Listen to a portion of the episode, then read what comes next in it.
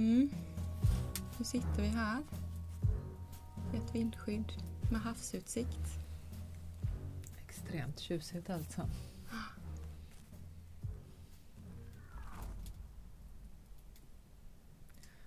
Ja, det är ganska högt över havet.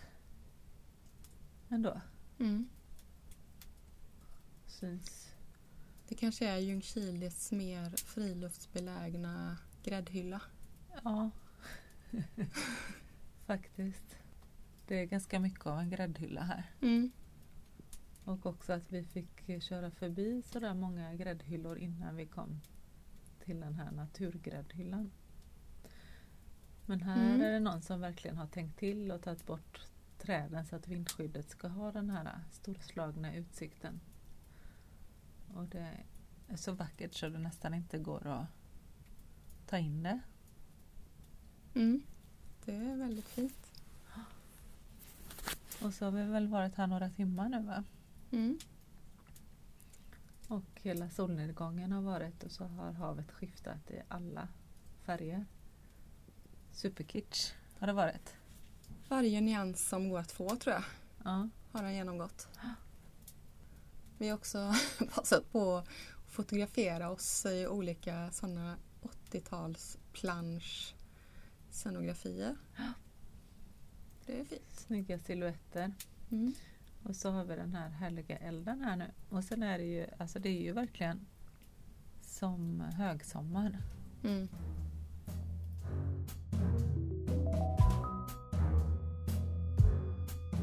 Jag tänker att det var faktiskt, det var ju bra att vi hamnade här ändå. Mm. Det är ju roligt liksom om, om man ska prata om klass och eh, att det är väldigt viktigt eh, med den här havsutsikten då. Mm. Om det ska vara klass på, på läget så att säga. Mm. Det är ju inte vem som helst som har råd att bo så här. Nej. Nej, verkligen inte.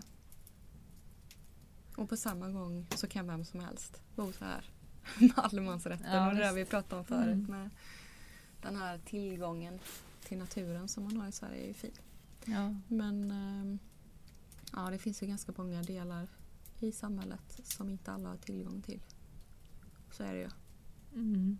Det har liksom varit lite motstånd också. Vi valde ju väldigt tidigt att vi skulle ha det här som ett tema kopplat till vrede, klass. Mm. Och så har vi liksom gjort olika så här svängar runt om det i tidigare samtal och så. Mm. Men det är ju också, ja det finns ett motstånd. Ja, det gör det. På Ah. ett sätt. Ja. Jag vet inte varför jag känner, känner liksom att jag inte riktigt eh, kommer åt varför jag har en sån stark... Ja, men jag har ju ändå någon typ av vrede som växer i mig i Mm. förhållande till klass. Mm. Samtidigt är det ganska svårt att sätta fingret på för också så är det ju så att liksom klassbegreppet har lite grann övergetts i, i samtalet de Men senaste jag åren. tycker att det är tillbaka. Jag ja men det är ju tycker- det som ja, erkänns, som ja, att det kommer nu ja. igen. Liksom, att man börjar säga, ja, men nu har vi haft vändan i genus och postkolonial teori och förstår att även de går att koppla in i klassbegreppet och klassteorierna. Mm. Men eh, Och också det här att inte separera heller egentligen olika. nej, att man adderar dem Mm. till varandra. Mm. Mm. Ja men att få ihop hela den här komplexa världsbilden för att det är ju lätt att liksom välja att titta på ett spår Mm, precis. och så, fast, och så kan man fastna lite i det spåret och så se bara det liksom istället för att se helheten och hur eh, också den ena orättvisan liksom göder den andra på något vis. Verkligen. För det är ju också så att eh, de andra orättvisorna, om man, om man pratar om jämställdhet mellan kön till exempel, är ju också om man tittar på klass så har ju eh, om, man, om, man, om man tänker att, att kvinnor har ett underläge i samhället ekonomiskt och så så är Mm. glappet ännu större eh, bland låginkomsttagare som är Mm. kvinnor Mm, precis. eller nyanlända kvinnor eller Mm. så. Ja, men det är ju de som idag har de jobben som eh, var de lägst betalda arbetarklassjobben då för männen. Mm, För, alltså mm. när det var männen som jobbade och kvinnorna inte hade ett arbete på det sättet. Eller de gjorde obetalt arbete hemma. Men, så det är ju andra personer idag som har den typen av jobb. Eller Mm. det har ju bytts ut. Men eh, jag vet liksom inte vart jag ska börja i detta. Men det som jag kan säga, eller det som jag känner eh, väldigt starkt är ju att jag bär med mig en, eh, ett arv från en arbetarklass som jag har fått tampas med ganska mycket under min uppväxt. Och till en början utan att veta att det var det. Mm. Och sen har jag sett liksom i efterhand att men det är ju, där, det är ju liksom de här sakerna som har gjort att jag kan upplevt att vissa kompisars föräldrar har behandlat mig på ett visst sätt eller sagt på ett visst sätt till en eller att lärare har varit på ett visst sätt mot en. Mm. Jag har ju haft att göra med en massa klassmarkörer som jag har burit på. Just det, som du inte var medveten om när Som du jag var inte ett var barn. medveten om Ja. då. Men som liksom jag har förstått mer och mer så under livet. Och då, det har vi pratat om många gånger att jag känner oftare eh, känner mig oftare liksom ehm, jag känner oftare min underordning i relation till klass än i relation till kön till exempel. För att Mm. jag aldrig upplevt att jag, jo jag har upplevt jättemånga gånger att jag på grund av att jag är kvinna på olika, ställen, på olika sätt har liksom eh, blivit eh, förfördelad men, men att jag ändå någonstans kan härleda det mer till klass, en klasstillhörighet. Men nu är jag ju liksom en ganska typisk medelklassperson Mm. men jag bär ju fortfarande på vissa, någon känsla ibland som har att göra med den där känslan. Det tror jag. Jag tror ju liksom att Så det är väldigt eh, tudelat och alltså, och man bär ju många inte lager. Man bär ju inte bara sin egen klass eller sina föräldrars klass utan det är ju längre tillbaka också Mm. som eh, det här arvet finns med. Liksom. Det Mm. tror jag. Ja, ja.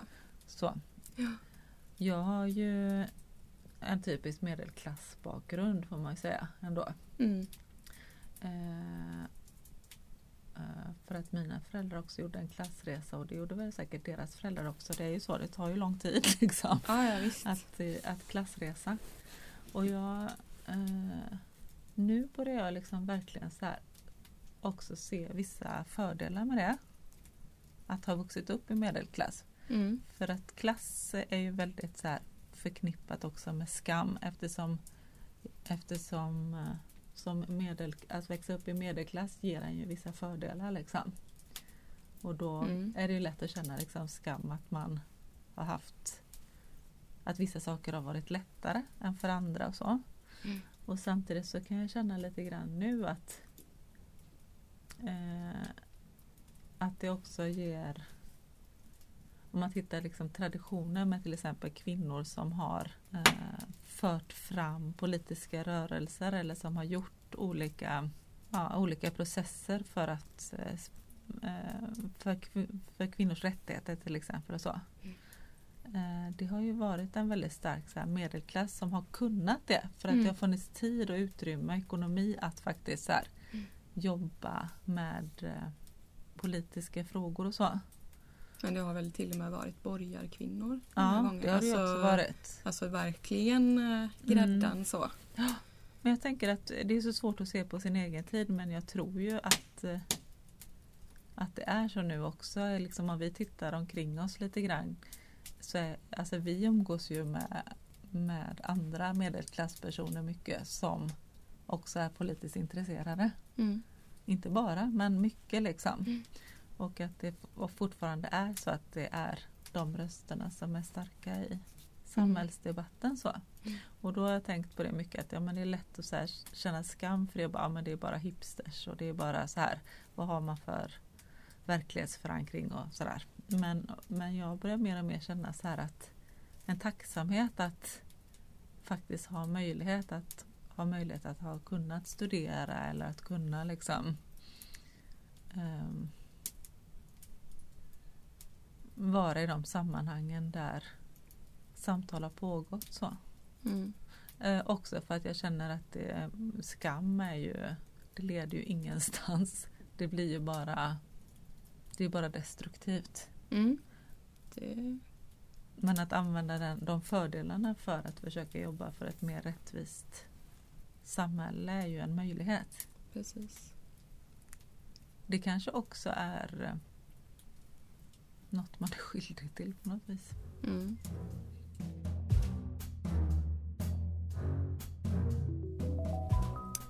För att just för att det är för att det bygger så mycket på en känsla på ett annat sätt. Alltså de, de här struk- klassstrukturerna är ju inte på samma sätt lika um, skarpa i sina liksom av, i, de här eh, det är mycket mer flytande definitioner i klassteorierna än vad det är i till exempel genus och så Mm. kan jag tycka. För att det är så många olika aspekter som, som har betydelse för vilket, vilken liksom, Exakt, för det, har, vilket, det hade vilka varit, eh, klassmarkörer man bär på. Alltså, man kan inte räkna För i det går inte så ekonomi. här bara, bara för att jag tjänar över 30 000 i månaden så är jag medelklass. Jo, det är jag förmodligen. Men ehm, det finns så många olika eh, det är kulturellt kapital. Det finns ju många som tjänar över eh, 30 000 i månaden men har ett eh, kulturellt kapital som man kanske inte skulle definieras som medelklass Mm. Som kanske är, är mer sån här det som eh, man kanske så här i folkmun skulle kalla för så här fulkultur eller liksom som jag helst inte benämner saker men, men som ändå Gud jag tycker det är så svårt att prata om det för det är lätt att liksom bara så här, Det var därför jag också kände, jag har ju, lyssnade ju på en podd innan nu bara för att eh, få lite bättre koll på klassbegreppet också. Mm. För att jag inte kände att jag hade full koll riktigt eftersom att det finns så många, flera olika teorier. Och nästan alltid så får man ju så är det ju Marx liksom som man Mm. pratar om om man inte eh, ja, men om man, om man pratar om det på ytan men Marx klassbegrepp innehöll ju bara arbetare och borgare till exempel. Det fanns ingen medelklass i hans teori. Och sen kom Weber början på 1900-talet då fick jag lära mig på den här podden. Mm. Ehm, Det är bra, det är Och väldigt liksom bildande med sådana väldigt poddar. bildande med sådana poddar. Eh, och tillförde då medelklassbegreppet. Ehm, och så då var det ju eh, arbetarklass och eh, medelklass Mm. i stort sett bara. För han menar på att det inte fanns så många. Alltså, det var, de allra flesta människor hade det ändå bäst, tyckte han. Mm. Och så fanns det ändå liksom arbetarklass också. Eh, och det som också var då när Marx kom med sitt på 1800-talet. Då, fann, då var ju det ju allra flesta människorna i Sverige var bönder. Och de räknades inte in som arbetarklass eller borgare. Så att egentligen så var det ju liksom att väldigt mycket i hans teori så var det ju väldigt många som helt uteslöts ur- helt också ur hans klass. Ett eget Resonemang system. Mm. Eftersom att han var så inriktad på arbetsgivare och arbetstagare och den liksom, motsättningen. Och så var vi, han, Max Weber, då mer eh, liberal och menade mer på istället för att det var en motsättning med en klass så var det att de här olika klasserna hjälpte varandra då på olika sätt. Att arbetsgivaren gav arbete till Mm. arbetaren och arbetaren gav sin arbetskraft till. Och sen så i slutet på 1900-talet så kommer Bourdieu, då och tillför eh, de här klassmarkörteorierna med eh, att man bär på olika kapital, ekonomiskt kapital, ehm, kulturellt kapital och något mer. Så det är ju lite mer nyanserat. Är det bildning eller, eller är det kulturella kapitalet som är bild, Eh, alltså utbildning och så? Ja, men det kan ha varit det. Ekonomiskt. Ja, ekonomiskt, kulturellt och socialt kanske det var. Ja, Ja, det har ju hänt en del sedan dess. Ja, precis. Och nu så känns det ändå. Sen så har ju liksom genusteorierna kommit och, så har, och sen efter det på 80-talet. Så genus typ 70-tal och sen på 80-talet eh, postkolonial teori Mm. som liksom har tillfört ännu mer. Och så nu då han den här killen som de intervjuade på podden som heter Magnus Hörnqvist tror jag. Han eh, försökte då liksom att lyfta klassbegreppet igen idag och säga hur vi kan prata om det nu Mm. med de här nya teorierna i ryggen och liksom ändå, fast ändå liksom prata om klass. Eftersom att man till viss del övergav klass under en period på 80-90-talet.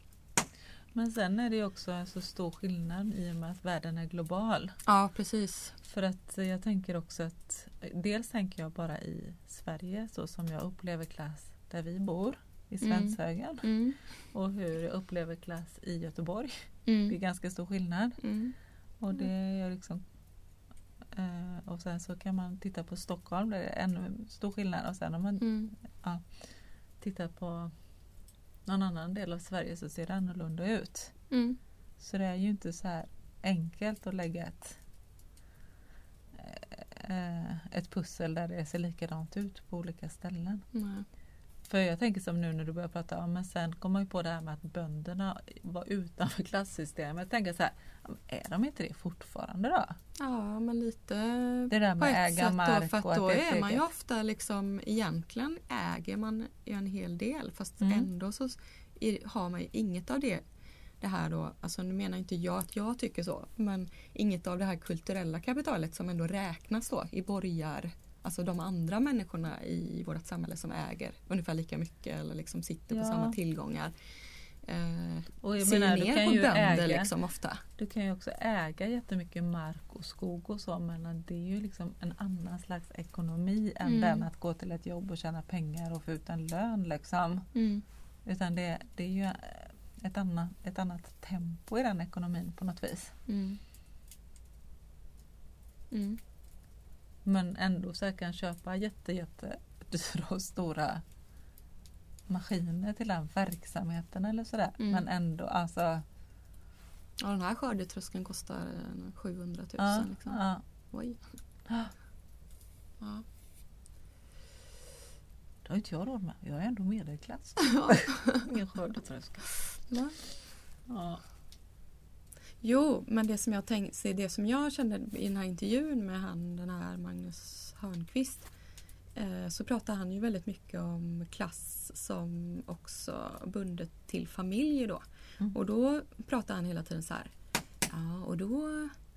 Eh, ja, men flera gånger sa han så här att Ja, och då tänker man ju om man har en mamma och en pappa som är till exempel bibliotekarie och bla bla bla. Mm. Eh, då är det ju vanligt att man liksom, ja, och så gav han massa Mm. exempel. Men hela tiden hans exempel byggde på så att man hade en mamma och en pappa. Och då tänker jag Ja. så här, ah, Ja, idag är det ju så väldigt vanligt med 15-16 andra typer av familjekonstellationer Mm. och att mamma, pappa, barnfamiljen Visst, den är, det är fortfarande norm och såklart vanligast. Men det finns ju ändå, så jag tänker också att det är ganska många familjer där mamman och pappan kanske till och med tillhör olika klass. Så ett Mm. barn som bor i den familjen och kanske växelvis boende till exempel eh, eh, växlar ju. Mellan, samma person växlar Mm. i vilket kulturellt kapital den med, bär med sig olika, alltså det är väldigt det är lite mer Ja. komplext än Men att klass kanske då att det är kopplat till förväntningar mycket. ja, ja det är det ju Såklart. det är det ju på många sätt. Ja. Vad man förväntas eh, prestera i skolan, vad man förväntas av, Mm. från sina föräldrar. Ja, vad man förväntas kunna göra av sitt liv på något vis.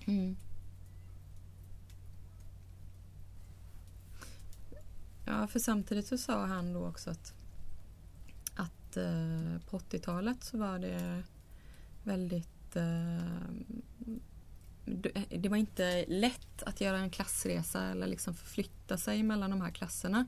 Men det var ändå med större rörlighet och att den har stagnerat lite de senare åren. Eh, men att det också är så att det är mycket, mycket större andel som är medelklass nu. Och de som befinner sig på ytterkanterna, de fattigaste och de rikaste. Mm. Där, klyftan mellan de två har växt jättemycket. Ja. Och det medan medelklassen, är, ja, medans medelklassen ändå är större och att ja. det är så många som har det så bra så är det som att man inte bryr sig om det på samma sätt. För att Nej. det inte är tillräckligt många som drabbas av det. Liksom. Och Det kan jag bli så frustrerad över. Att det är så ja. många som, liksom, så här, som, som jag tycker borde vara mer så här, eh, lojala mot arbetarklass. Eh, det känner jag i alla fall ett par, tre stycken. Som jag tycker borde vara mer lojala mot arbetarklass. Som liksom kommer också från det hållet. Och, men som eh, på fullaste allvar kan sitta och mena att alla har samma chanser och alla i Sverige kan alla bli vad de vill och så. Mm. Och så är det ju verkligen inte. Nej. Även om det inte är lika låst som i många andra länder. Det är det ju inte. Det är ju så att alla kan ju välja eh, rent teoretiskt. Jo, och ekonomiskt, att det går att ta lån och sånt. Alltså det ja. finns ju vissa förutsättningar som ändå är väldigt speciella tänker jag att ja, vi har. Det har vi. Men jag menar att ta ett studielån är ju verkligen inte självklart för alla att våga göra det. Eller Nej. att liksom eh, Eller tänka att ja, men det kommer jag att lösa någon annan gång och betala igen. Eller helst ifall det är den typen av utbildningar som inte leder till ett tydligt yrke eller så. Som ju ändå mm. många av de här medelklassyrkena inte gör konkret. Nej, nej flera, utan, några i alla fall. Ja. Men utan att det kan vara lite mer att det handlar om allmän bildning och sånt. Ja men om man tänker arbetarklass uh, ungar tycker jag är kul att säga. Arbetarklassungar brukar kalla mig själv ibland. Men jag är ju inte det längre. Men jag var det. Uh, kommer ju kanske inte ens någonsin dit att fundera över om de ska gå på högskola eller inte. För redan i småskolan så, så blir man behandlad olika och det har också kommit senaste åren en del forskning som visar det ganska tydligt. Att man behandlas på ett mm. annorlunda sätt genom hela sin skolgång. Redan på förskolan började Men är det, tror du, att, eh, att lärarna att man instinktivt läser av och möter föräldrarna olika i hallen och vid utvecklingssamtal och sånt yes. beroende på språk då så. Ja men det finns en, nu kommer jag inte ihåg vad den heter, men det finns en avhandling som har tittat på just varför. För man, vet, man ser ju i statistik att det är så. Mm. Att eh, barn från arbetarklass mer sällan läser på, i högre studier. Mm. Och då var det bland annat det då eh, lärarkåren består till väldigt stor del av medelklasspersoner. Och att man då har svårt att närma sig språket. Just att man har det här, väldigt, ett ganska skilt kultur, kulturellt kapital då, från de här barnen. Och att man inte identifierar sig med dem på, på samma att man, man liksom identifierar sig mer med de här barnen som man talar samma språk som. Mm. Liksom. Mm. Och då gör man en, en um, att man gör skillnad fast man inte ens tror att man gör det. Men också tänker jag, undrar om det blir någon skillnad då, i och med att läraryrket också har förändrats så mycket och tidigare var så starkt då medelklass och mm. lite statusyrke liksom. Mm. Och nu är det ju svårt eh, att få folk att vilja bli lärare. Mm. Och att lönerna har gått ner så mycket mm. proportionellt och sådär. Mm. Jo, det sker ju en förändring. Och egentligen hela högskolan, eh, alltså hela universitetet har ju i uppdrag att ha ett mycket större upptag, en mycket högre upptagning nu än vad man hade förr. Så hela universitetets uppdrag har ju på ett sätt förändrats till att vara mer, eh, ja men att man helt enkelt ska ta in fler. Mm. Att det ska inte vara lika svårt att komma in på universitetet. Eh, så, så egentligen gäller det ju väldigt många utbildningar att, eh, ja, att det förmodligen blir en annan liksom, målgrupp kanske. Men samtidigt så är det ju om man inte ens kommer dit. Om man inte ens klarar grundskolan. så, finns, så har man inte ens den eh, möjligheten att välja högre studier. Mm. Eh, Men just läraryrket är ju ganska vanligt att, eh, att den väljer lite senare i livet också. Om man kommer Ja, från en annan klass. ja. Eller en annan klass. Om man, är lite, om man kanske inte är medelklass från början då är det nog vanligare att man haft ett, jobb, ett annat jobb först och sen så skolar man om sig till lärare senare. Mm. Eh, Det är ju bra. Ja, För det kanske kommer då bli en skillnad, eller det kanske kommer förbättras då framöver. Mm. eh, Just bemötandet. Och... Men det handlar också om att bli medveten om. Om alla medelklasslärare blir medvetna om att de behandlar olika så kommer de ju också kunna förändra det precis på samma sätt som man förändrat när man börjar reflektera över att ur ett genusperspektiv att man behandlar Mm. flickor och pojkar olika. Eller... Och så tar det jättelång tid för att det är ju inte till exempel alla lärare som tycker att det är så himla viktigt med eh, genuspedagogik. Nej. Nej, nej. Och det är inte alla lärare som tycker att det är så viktigt med relationer heller. Eller Nej. tänker att det är så viktigt för, för att eleverna ska prestera. Nej. Men sen så finns det ju Mm. ofta sådär, alltså mötet, det finns ju ändå ofta, jag tänker eh, människor som har gjort någon sån där eh, stor resa, så då finns det ju ofta någon vuxen i skolan eller så som har varit avgörande, som har sett, Mm. som har sett det barnet. Mm. Så är det ju. Det är en otrolig Jag har en sån... eh, maktposition på ett sätt. Alltså att om man pratar om makt ur, ur en positiv synvinkel då att faktiskt kunna ge utrymme till självutveckling hos unga människor. Mm. Ja, vad sa du, du har en sån lärare? Ja, det var ju en lärare på högstadiet som eh, var en sån lärare för mig. Mm. Som liksom uppmärksammade, det fanns ju flera som uppmärksammade en såklart och som eh, skojade och sådär. Men som ändå gjorde det på ett sätt som gjorde att jag kände att jag var viktig där. Mm. Det var ju Raido Mäsak Mhm. som vi hade i teknik. För jag hade ju sån reservoarpenna. Det är ju lite Ja. lillgammalt kanske att ha men det hade jag och skrev med då. Ja. Och då, ha- han samlade ju på sådana visade det sig. Så han hade ju väldigt mycket olika färger på bläck. Så han fyllde ju mina sådana patroner med olika färger Ja. och sånt. Och så det blev som en sån här liten grej vi hade. Och sen så upptäckte han också att jag var väldigt stark. Så han liksom såg till att lyfta såna här saker. Liksom att, eh, ja, men som, det är ju ganska små det är egentligen ganska små saker som gör det. Att någon uppmärksammar något som inte är det här självklara eller som inte är det som bara syns på ytan. Eller för att det känns mer genuint på något sätt. När någon har sett något annat hos mig Mm. som inte är det där första. Så. Mm. Och det är väl det som jag skulle önska att alla barn någon gång fick ha någon vuxen i skolmiljön som kunde se det hos dem.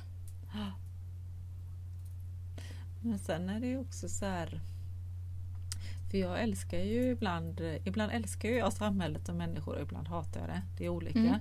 Men är Olika ibland, dagar. ja, eh, ja visst ibland är ju människoföraktet eh, så överväldigande så att man måste krypa in i en sovsäck med huvudet först och så ligga där nere och skaka. Men ibland är det härligt och då kan jag tänka att då, ibland så får jag det här fågelperspektivet på mänskligheten då när eh,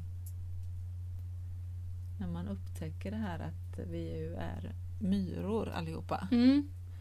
Och så Precis. ser man liksom hur vi samarbetar och så. Om man då skiter i liksom klass utan tänker så att ja, men alla här har ett uppdrag. Liksom. Vi är helt beroende av varandra. Mm. Och vi, eh, vi klarar oss inte ensamma. Vi är en stor flock. Så här. Då kan jag bli så otroligt fascinerad så här, över hur det ändå kan gå så bra många gånger i Mm. samhället. Mm. Och att vi kan så bygga saker och vi kan skriva saker och vi kan göra liksom föreställningar eller ja, vi kan få barn att gå till skolan och det kan bli matlagad. Allt möjligt som händer. En, en åker kan sås. Någon bara så här, har kommit på att så här, ja, men det är jag som har det här uppdraget att så den här åkern. Mm. Alltså hur gick det till? Hur fördelades de här eh, krafterna ut liksom till människorna? Så att alla bara gör sin del. Det är ju fantastiskt. Mm. Eh, så tänker Ja. jag ibland. Ja. Har du Eh, läst den Sapiens eller? Nej. Nej, det, det tycker jag är väldigt intressant. För då får man verkligen följa med från liksom ja, men tidig människa till att vi blev bosatta tills att vi liksom började utveckla en sån eh, ekonomi eh, som bygger på kapital och pengar och, och så fram till nu. Men jag tänker att det, man vill ju att alla människor ska ha samma möjligheter att utvecklas och göra det de vill.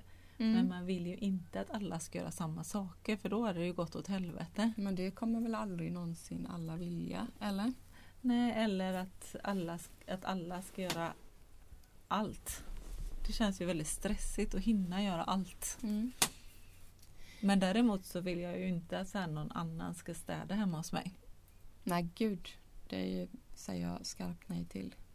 Ja men det är ju väldigt vanligt Ja, I jag vet medelklassen. att det har blivit ganska vanligt. Att Och anlita också folk som städar. Mm. mm. För det handlar ju om att man Ja, är ju- värderar sin Man får ju egen ställa tid. frågan vem ska städa hemma hos städaren? Och då kan jag inte stå för att ha städhjälp. Nej, någon måste ju alltid dubbelarbeta. Ja, men det används ju också ibland som ett argument för kvinnors frigörelse. Mm.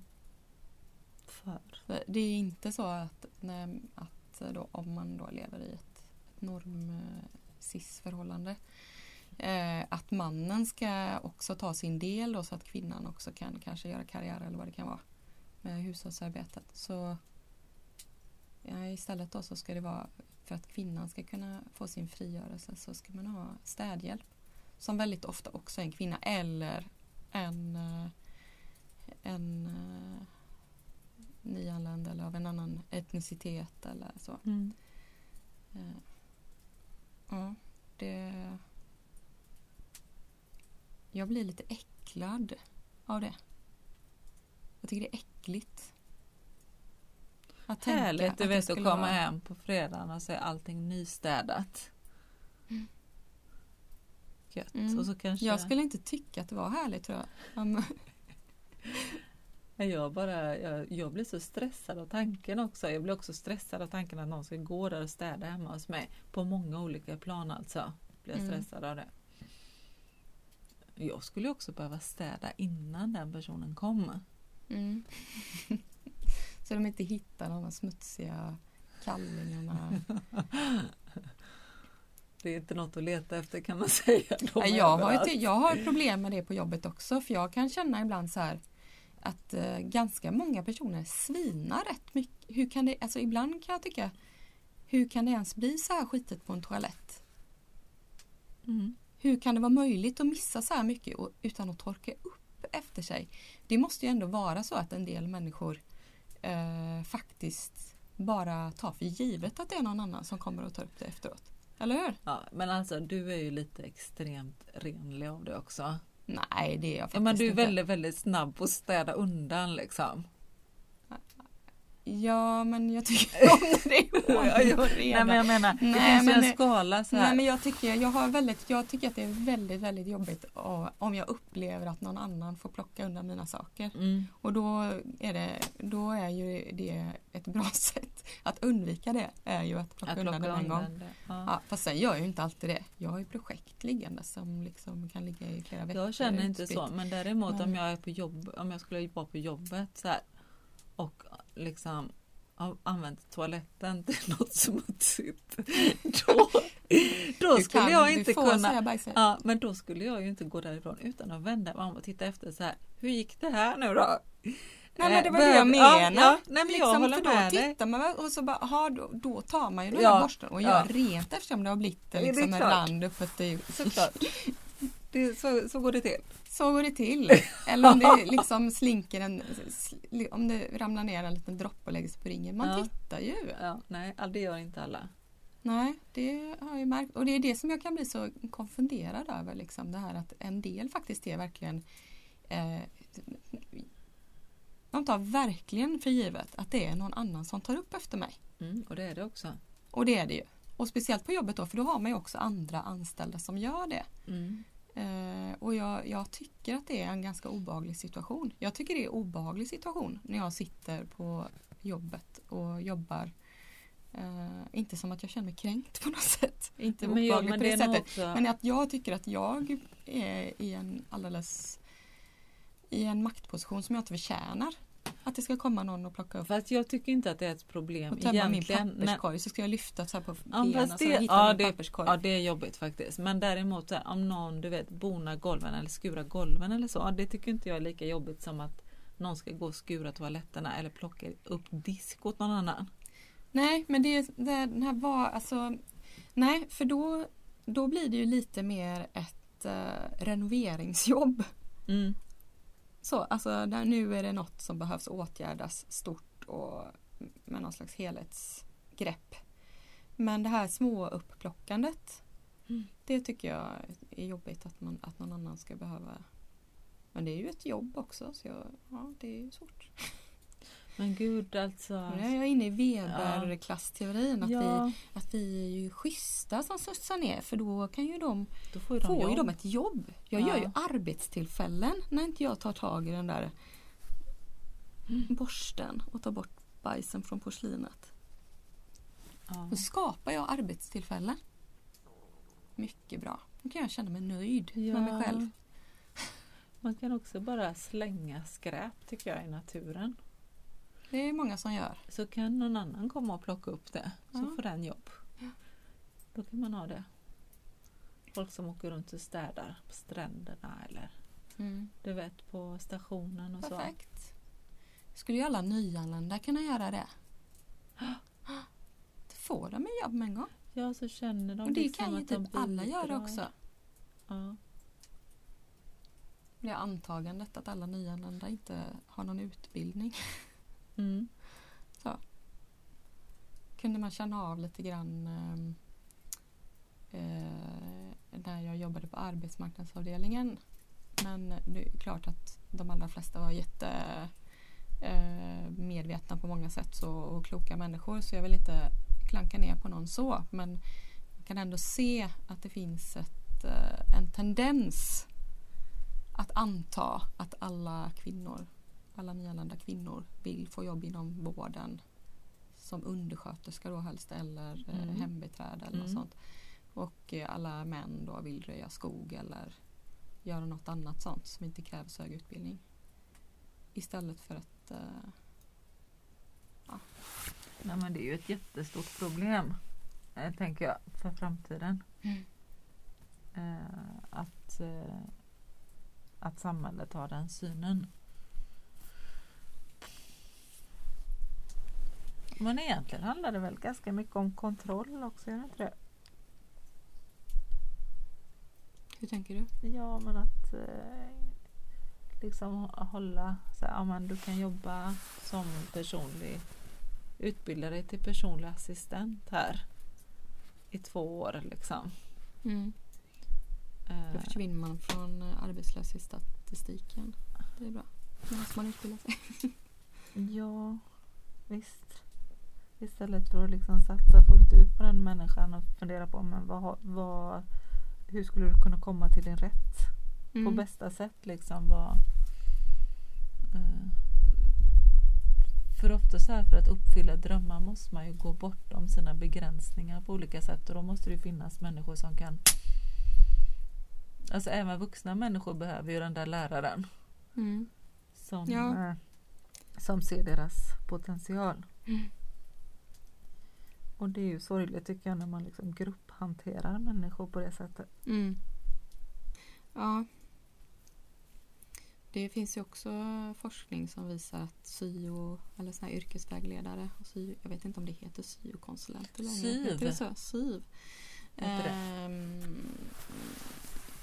förhåller sig väldigt olika till barns framtid beroende på i vilket område man arbetar eller i vilket, alltså, vilken bakgrund eleverna som går där förväntas ha Mm.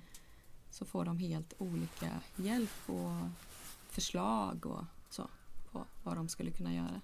vi hade en underbar syo, hette det då, på högstadiet. Ja. Men Som visst, hon faktiskt, drog eh, ju iväg med dig och mig. Ja visst, hon är Ja, ju en del av att vi bra. ens eh, sitter här, ja, det jag. tror jag. Undrar vad hon hette. Jag. Jag har ingen aning om vad hon hette. Underbar människa. Jag kommer inte Men, ens ihåg hur hon såg men ut. min mamma pratar ibland om henne fortfarande att utan henne så hade jag aldrig fått gå det gymnasiet. Nej, för för det var ju hon- verkligen så att vi hade svårt att hitta något som, och estetisk linje fanns ju i stort sett inte någon, ja, det, det fanns, alltså hur många ställen i Sverige fanns det? Tre. Fyra eller tre? Jag. Det var Göteborg, Trollhättan och så fanns det ju förmodligen något uppe i Stockholm också men det var väl ganska Ja. otänkbart. Ja. Kanske någonstans uppe mot Umeå och Och med. Göteborg fanns ju bara bild.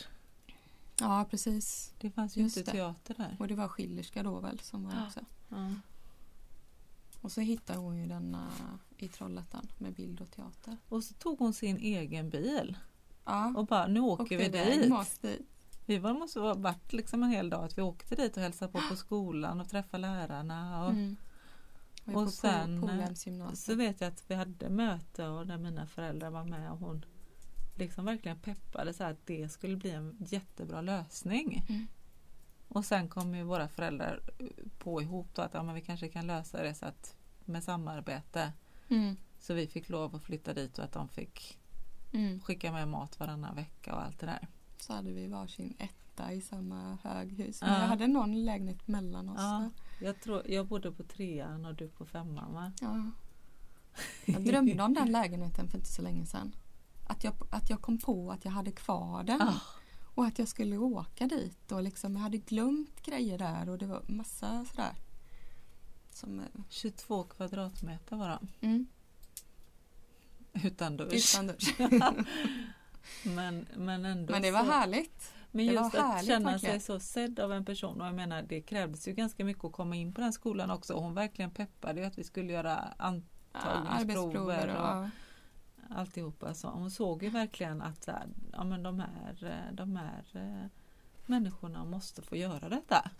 och det får man ju säga också att andra lärare som bildläraren Mm. var ju också väldigt så att man fick sitta alla bildlektioner den Mm. terminen fram till att det skulle vara framme och göra de här antagningsproverna. Och, Ja. Och Ja, var sen även på den skolan sen så fanns det ju så här, det fanns ju inga begränsningar för vad de trodde att man skulle klara av. Utan man fick ju jobba, vi hade ju egna nycklar, vi fick ju jobba Mm. kvällar och nätter och allting. ja. Det, var, det var verkligen... Det var en stor eh, frihet Ja. på det sättet. Ja. Men det säger ju lite grann om just sådana här nyckelpersoner, hur avgörande det är. Mm. Det hade också kunnat vara en syo som sa så här. Men alltså, är det inte Nu bättre att du läser det här samhällskunskap? samhäll. Ja, då kan det bli lite allt möjligt Ja. sen. Ja, så du får högskoleförberedande betyg och det så att det det gick ju bra att läsa in det sen också. Ja, jag läste in natur sen. Mm. Jag har ju gått två gymnasielinjer kan man säga. Ja, jag med. Sen gick jag två lärarutbildningar. Och nu ska jag snart börja på min andra master. Jag gör allting två gånger. Ja, Ja. jag tror att jag tillfälligt har pluggat klart. Mm. Det var skönt. Tillfälligt sa jag. Mm. Ja, ja. Ja, det är skönt faktiskt. Jag suger ut det sista vi ser sen nu så jag kan nog faktiskt inte plugga mer sen. Nej, det är väldigt dyrt. Mm. Ja, men, men. Skit i det. Det är bara för att det är maj nu du vet och då kommer räkningarna. Mm. Känner jag bara oj, oj, oj. Men det är det värt. Det är alltid värt det ju. Ja, det är det verkligen.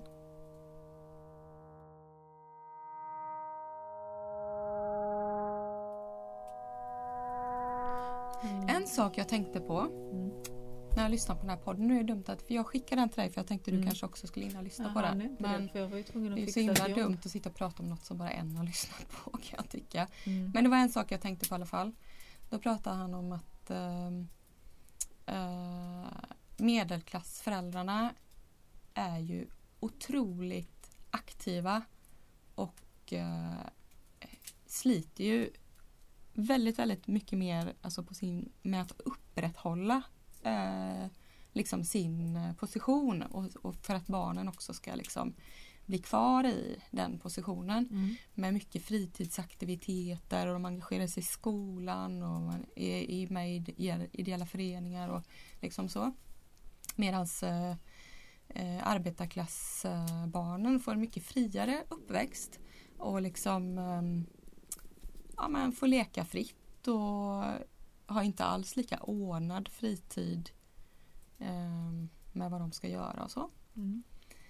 Eh, på gott och ont för båda två, tänker jag. Mm. Eh, men sen så pratar de också om, jag tror det var Danderyd i Stockholm. Visst är det sånt ganska rikt? Eh, jag vet inte, jag tror det var Danderyd, jag Mm. kommer inte ihåg. Jag, kan inte, jag känner inte till alla stadsdelar i Stockholm. Jag tror var Danderyd. Stockholm intresserar oss inte Nej, överhuvudtaget. precis. Ehm, jo, då pratar de om att i skolan där så är eh, barnen, de, är, de uppfostras ju till att bli landets ledare. Ja, Liksom, ja. eh, I skolorna där. Och eh, det betyder också att barnen blir väldigt eh, de trotsar hierarki, de trotsar regler. Det fuskas väldigt mycket på prov och så. Men det ses inte, det ses inte, man blir inte, alltså det är inget negativt att ha gjort utan det ses mer som en intelligens, som en smarthet.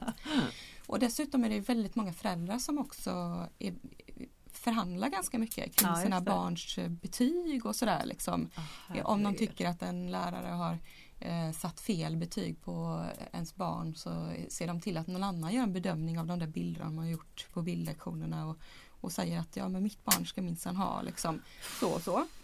Eh, så de har att liksom en så här självklar makt då. Alltså, de här barnen växer upp med en självklar makt och då får de de här eh, egenskaperna som jag då inbillar mig, det här är nu mina egna teorier, att jag inbillar mig att också de här arbetarklassbarnen har.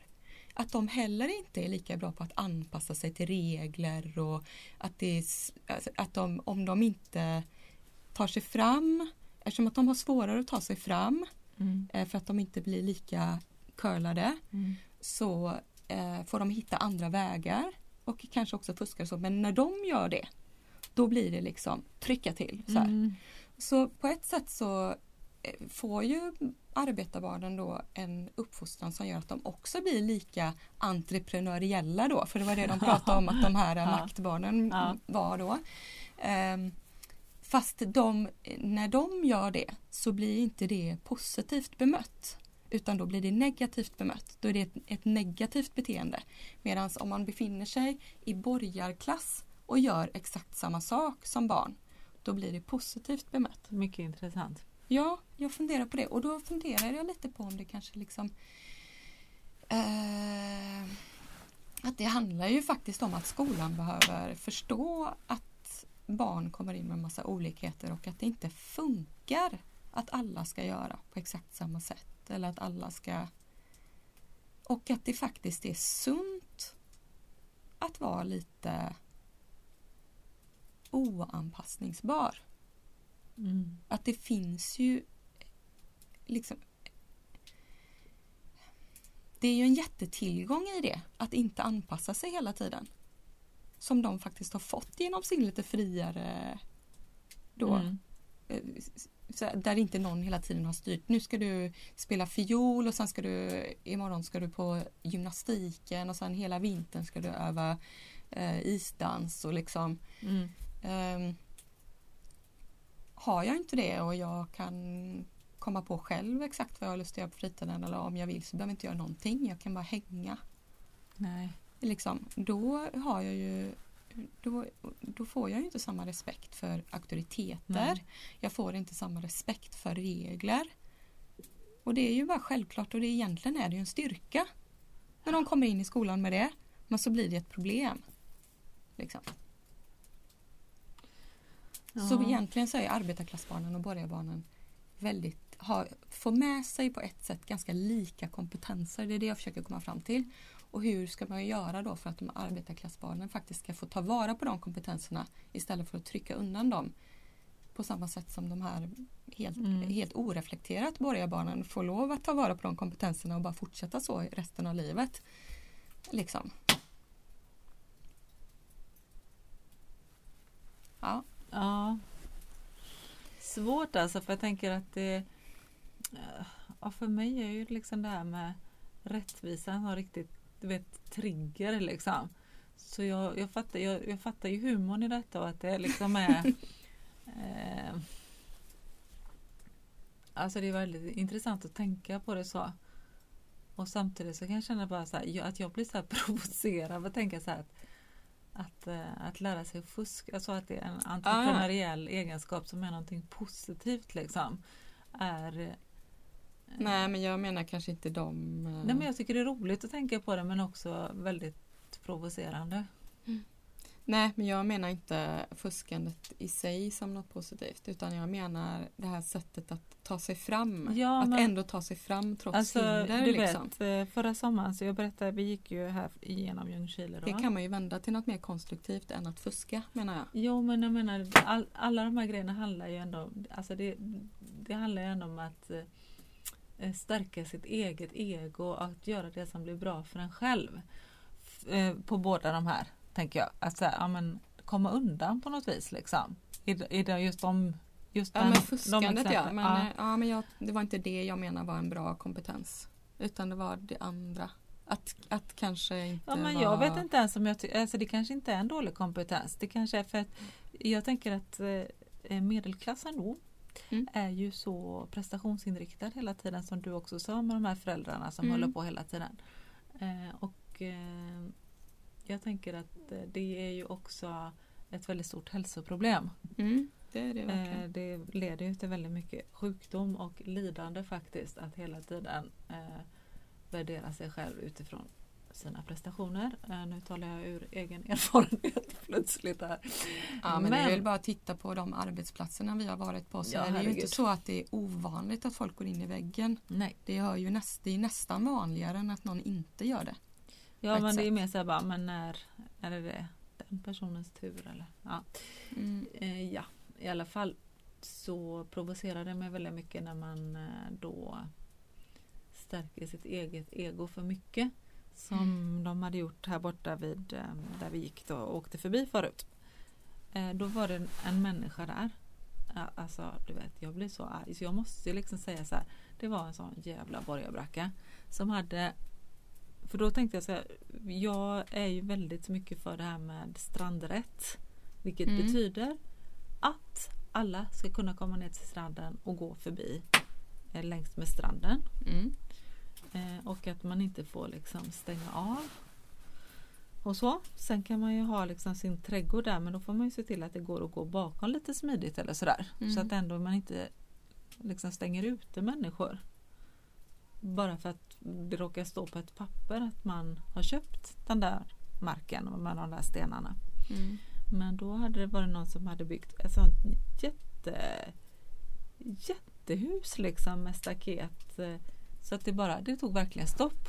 För innan så gick det att smyga förbi ut med strandkanten och det är ju otroligt vackert så. Mm. Och så bara kom det till ett sånt stopp liksom, privat privat liksom. Mm.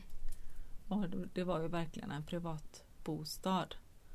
Mm. Och så det gjorde mig så otroligt arg liksom att jag inte fick gå där ut med kanten. Så då sen var jag tvungen att gå in och kolla på vad sjutton det där var för någonting. Jag tänkte jag får ringa till kommunen och säga att nu är någon som har spärrat av där. Mm. Så inte människor kommer ner. Då var det ju någon människa som har köpt en hamn. Mm. Tror jag det var. Mm. Alltså som om det var en rörelse. Ja, och genom det, alltså man såg att det var en privatbostad. Mm. Men ändå gav sig själv liksom de fördelarna att låtsas som att det var en verksamhet. Just och därför och fick lov att stänga lov, av. Aha, ja. Undrar om inte det var så när i Grötån också. Mm. Där Margareta hemmet ja, låg förut ja. där att de gjorde på något liknande sätt. Jag ska inte säga att det var så men jag har fått för mig att det kanske var så. Ja, och då har de ju säkert lärt sig det sedan de var små. Att så gör vi. Vi, vi går runt lagen här mm, lite grann mm. och lär oss hur vi gör så att det kommer till våran fördel. Mm. Det är väldigt störigt. Ja. Och också så att det är liksom inte så att det finns någon att, en känsla av att det skulle vara fel. Det Nej. vet inte jag, men jag tror att det är så. Det är ju mitt. Ja, Det är ju samma där när vi blev så arga, du vet när vi började prata om det här med jakt och så. Att Mm. man tycker att man har rätt liksom att döda djur bara för att man äger mark. Mm. Eller så. rätt att döda alla djur. Ja.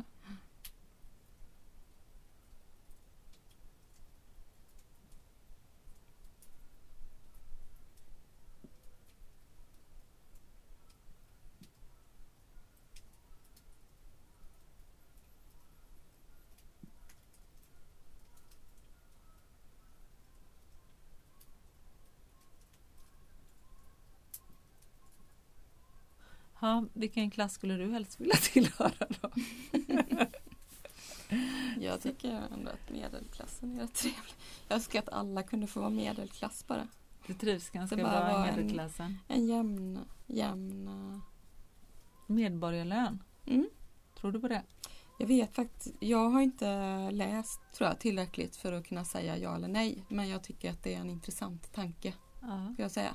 Och jag, jag tror att man skulle kunna närma sig det utan problem. Eh, och kanske få människor att må bättre och kanske också ta vara på sina egna, det som man själv verkligen skulle känna för att göra. Eller. Mm. Jag tror att det skulle föda ganska mycket empati och solidaritet mellan människor. Att man blir mer benägen att eh, arbeta ideellt liksom. Mm. Tror du det? Ja, det tror jag faktiskt. Att alla vill ju göra, jag, jag tror ändå att alla människor vill göra saker. Sen så är det klart att vissa skulle ju säkert välja att inte göra någonting. Men Ja. det är ju inget problem i så fall om det är någonting vi är överens om att så får man lov att göra. Men sen tror jag det skulle finnas jättemånga som bara men jag är alldeles för rastlös för att bara hänga i hängmattan. Jag, jag gör de här grejerna nu eller tar hand om eh, föräldralösa barn på min fritid. Eller liksom vad Ja. som helst. Att jag och tror det att skulle ju bli mer konst. Ja, mer konst absolut.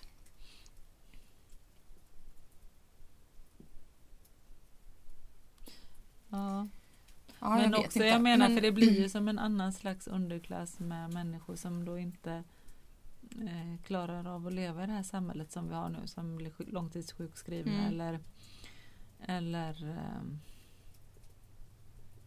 ja, gå på Mm. eh, lång vad heter det, arbetslös, vad heter det, man går länge. Långtidsarbetslös. Mm. Eh, och till slut blir liksom uteslutna ur systemen egentligen på något vis. Mm. Och då, då hade inte det behövt vara en egen samhällsklass liksom. På det sättet kanske. Ifall också Mm. andra valde att så här, ja, men jag klarar mig på här, den här lönen. Jag vill leva ett- ett enkelt liv. Eh, och inte konsumera så mycket och så. Mm. Och så kanske det är andra som vill konsumera mycket som kan då bygga på, jag vet inte.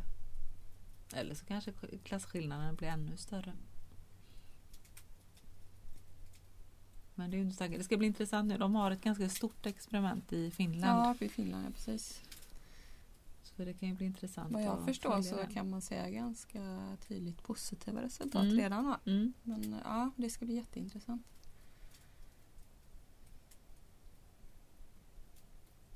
Ja. Ja, men jag tänker att arbetstidsförkortning eh, är ett viktigt steg att ta. Mm. Ja, det är ju verkligen en gammal rest det där med åtta timmar, fem dagar i veckan. Mm. Men det är ju tvunget att ha kvar det om man vill att samhället ska vara växande liksom ekonomiskt. Mm. Men eh, det måste ju vara så att man till slut kommer fram till att inte det är det viktiga kanske. Eller att det kanske växer ekonomiskt ändå bara för att folk blir friskare. Ja, och att man kan bygga på så många olika sätt ett samhälle. Ja, precis. Samtidigt så är man ju en del av det här samhället och jag menar Vi har också fått rotbidrag vid en ombyggnad då när rotbidrag, bidrag, rot, heter inte bidraget? Det heter rotavdrag Ja, men jag tycker att det är avdraget. mycket, mycket Men det var bättre nytt. sagt att säga rotbidrag Mm. för det är ju bidrag det är. Mm, då fick vi det i alla fall när vi byggde ut huset. Eh, och eh, då tänker jag på det ibland det där med, du vet, för att när man är en del av ett samhälle som man ändå tycker är sjukt Mm. så ibland så tar man ändå fördelarna av det. Mm. Så det skulle jag inte göra med, med RUT. Jag vet inte varför är det så. Att jag gör så stor skillnad på det. Det är konstigt. Mm. Men det har väl att göra med de här bajsränderna i toaletten kanske. Att det är någon värdighetsfråga Mm. kanske. Ja, kanske. Jag vet inte. Ja, jag, jag, känner, det, jag blev väldigt så här direkt liksom när det infördes så kände jag bara nej, jag ska aldrig, jag ska aldrig utnyttja det. Att det finns, den fördelen. Inte rot heller. Nej. Men det är ju också, jag utnyttjar säkert andra fördelar jag har. Alltså genom Ja. att jag är privilegierad på olika sätt. Så det är ju inte, jag, jag klandrar ju ingen som har gjort det. Men jag tycker inte det är ett bra system. Jag tycker inte det ska finnas kvar. Nej. Jag tycker det finns långt mycket bättre saker att lägga våra gemensamma skattemedel på. Ja, men det än också att ge pengar till folk då. som redan äger hus. Och Jo, redan men äger... jag menar, jag tänker man kan också hamna i det där att man liksom tar det på så här att man tar det personligt att liksom om den personen tar rot eller rutbidrag istället för att tänka att det är en sj- sjuk, eh, sjuk del av samhället som har kommit fram till att det skulle vara en lösning på Mm, precis. eh, vår arbetsmarknadspolitik. Liksom. Mm. Ja, det kan väl lösa vissa problem i arbetsmarknadspolitiken som till exempel att svartarbete har minskat och så. Men det är ju inget bra argument. Bara för att det finns vissa fördelar med ett system så är det ju inget bra argument för att behålla det om det finns en massa nackdelar och om det gör att människor kommer i kläm och blir utnyttjade och om det finns andra lösningar som kan vara ännu bättre. Det finns ju ingen är det inga goda argument är goda nog om det skulle finnas andra sätt att göra det på som var bättre. Nej, jag tycker man måste ha alltså, någon viss moral med sig också in i, i den politiken. Det går inte bara att titta på pengar som förflyttas till olika punkter. Nej.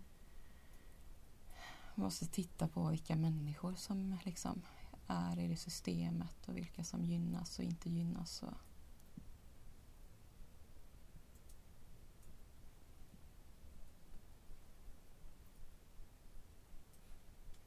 Kommer det någon nu eller är det en älg? tyckte det lät som det gick någon. På vägen här nere. Jag vet inte riktigt. Ja, det blir spännande.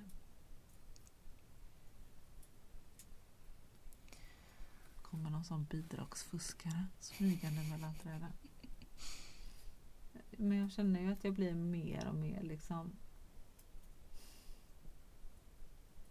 arg och liksom eh, radikal i mina åsikter ju äldre jag blir. Mm. Ofta så har jag tänkt så här, man, när man var ung så hade man liksom ett större politiskt engagemang och sådär.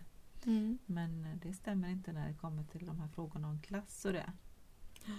För att det är ingenting som, som stör mig så mycket alltså som sådana där riktiga kapitalistsvin som liksom eh,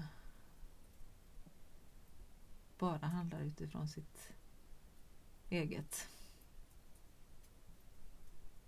Och då är det, på, då är, det sker ju på många olika plan liksom. Men jag tänker ändå att det är ganska mycket en klassfråga. Mm. Alltså jag, kan ju vara, jag är ju så barnslig så att jag får ju lust att typ så här sparka på en dyr bil och så. Jag gör ju inte det men jag, jag känner ju lusten. Nej, det gör inte jag. Gör du inte? Nej. Ta, du vet bryta av ett sånt Mercedes-märke. Ja, det hände ju att folk gjorde i tonåren. Det händer ju faktiskt. De har inte ens den modellen längre va?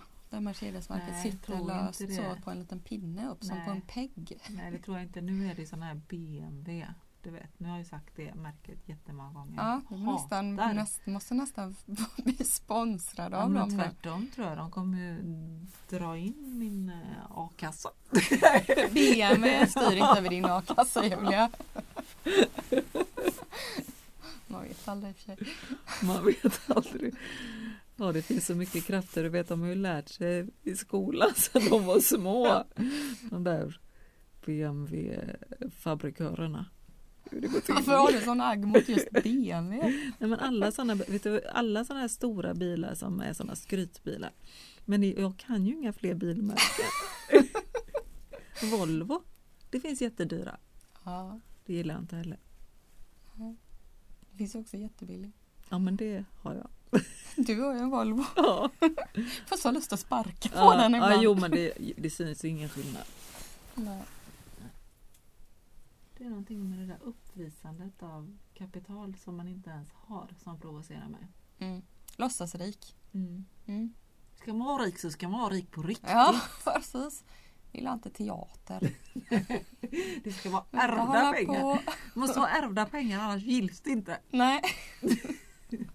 I generationer efter generationer Ja. efter generationer som ägt den villan och Eller den så ska de vara bilen. ihoparbetade.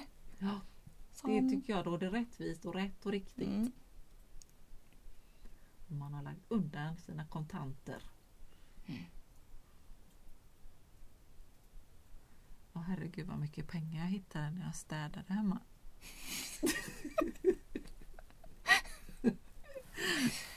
154 kronor! Bara sådär. Nej men, nej men alltså jag hade en plånbok som jag la in alla sedlar jag hittade jag städade på arbetsrummet.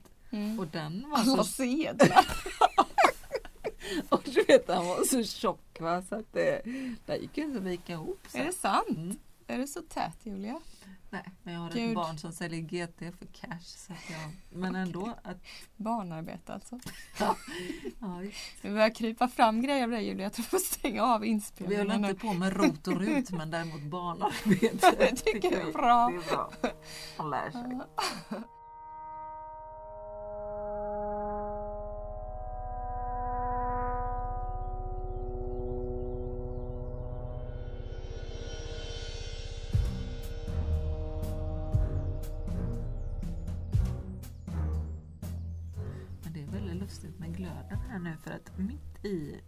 Här glöden så är det ett ansikte. Mm. Och vet du vems ansikte det är? Nej. Astrid Lindgren. Är det sant? Jag ser inte. Hon kanske ville tillägga någonting när det handlar om klass.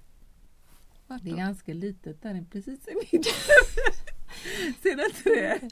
Är det i den ljusare Alltså, tänker- delen där eller är det tänker- ovanför? Är det lite mörkrödare? Det är som en böj där på det vedträd som är liksom, om man tänker längst fram så. Så det typ som ett litet ansikte där bak.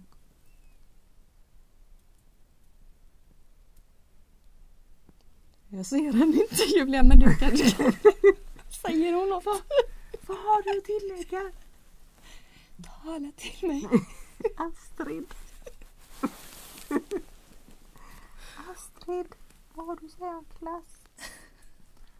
Nej, men jag tror inte att eh, hon gillar klassystemet faktiskt. Känner på mig. Vi skiter i, i systemet och liksom